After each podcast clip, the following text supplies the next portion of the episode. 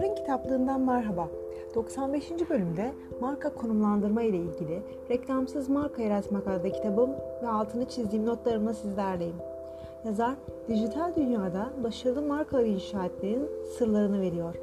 7 bölümden oluşan bu kitap bize reklam vermeden topluluk üzerinden şekillendirilen bir marka sistemini, marka oluşturma sürecinde analizler, tartışma soruları, alternatif kontrol listesi, sosyal medya kontrol bilgileriyle ilgili birçok örnek ve ek kaynak da sunuyor. Kitabın bizlere vermek istediği mesaj arka kapakta şöyle belirtilmiş. Markalar çoğunlukla kendilerini hiçbir biçimde pazarlama uzmanı olarak görmeyen insanlar tarafından inşa edilir. İşte bu kitap dünya standartlarında bir marka yaratmak isteyen herkese yardımcı olmak için yazıldı. Haydi şimdi kulağınız bende olsun. Başlıyoruz. Konumlandırma bir ürün ile başlar. Ancak konumlandırma ürüne yaptığınız bir şey değildir. Potansiyel alıcının zihnine yaptığınız bir şeydir. Yani ürünü müşterinin zihnine konumlandırırsınız.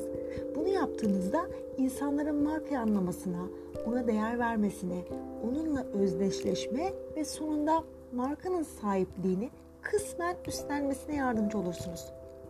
Kevin Keller dünyadaki en iyi marka uzmanlarından biridir. Hatta ders kitabı stratejik marka yönetimi markalaşmanın İncil'i olarak adlandırılır ve dünya çapındaki en iyi işletme okulları ve önde gelen firmalar tarafından kullanılır. Yazar marka konumlandırmanın dört temel taşını Keller stili üzerinden anlatmış. Rekabetçi referans çerçevesi. Marka konumlandırmayı seçtiğiniz pazarı tarif etmenin süslü bir yoludur diyor. Farklılık noktası. Markayı farklı kılan potansiyel müşterilerin değer verdiği bir şeydir. Benzerlik noktası. Bir rakibin sizden üstün olduğu ve karşılık vermeniz gereken bir farklılık noktasıdır esasında. Benzerlik noktaları markanızın yeterince iyi olması gereken yerlerini vurgular.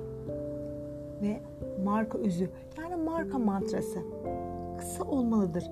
Marka hakkındaki her şeyi kapsayan iki ya da beş kelimeden oluşur.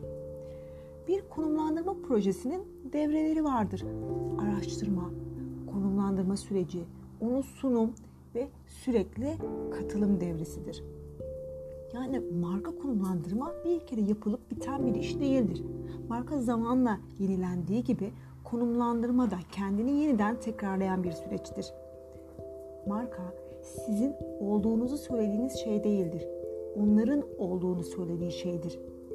Bir kuruluşta içeriden bir marka konumlandırma yapılması sağlandığında kuruluşun her bir çalışanın aldığı bu bilgiyi eyleme dönüştürerek derinlemesine işlenmesi istenir. Buradaki amaç insanların markayı sadece konuşması değil, birlikte yaşamasını hissettirmektir. Yeni bir çalışana marka konumlandırmayı öğretmek, markayı mevcut bir çalışana anlatmaktan çok daha kolaydır. Marka hikayesi notumla bu bölümü bitireceğim. Marka hikayesi, marka hakkındaki en derin gerçekleri cevaplayarak marka konumlandırmayı ifade etme girişimidir. Örneğin biz neden buradayız? Neyi önemsiyoruz? Ne yapıyoruz? Bu neden önemli sorularına cevap verir.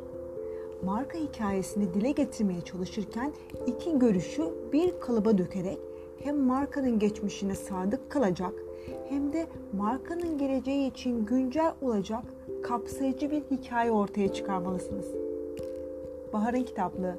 Bu bölüm sona erdi. Bir sonraki bölümde görüşmek üzere. Hoşçakalın.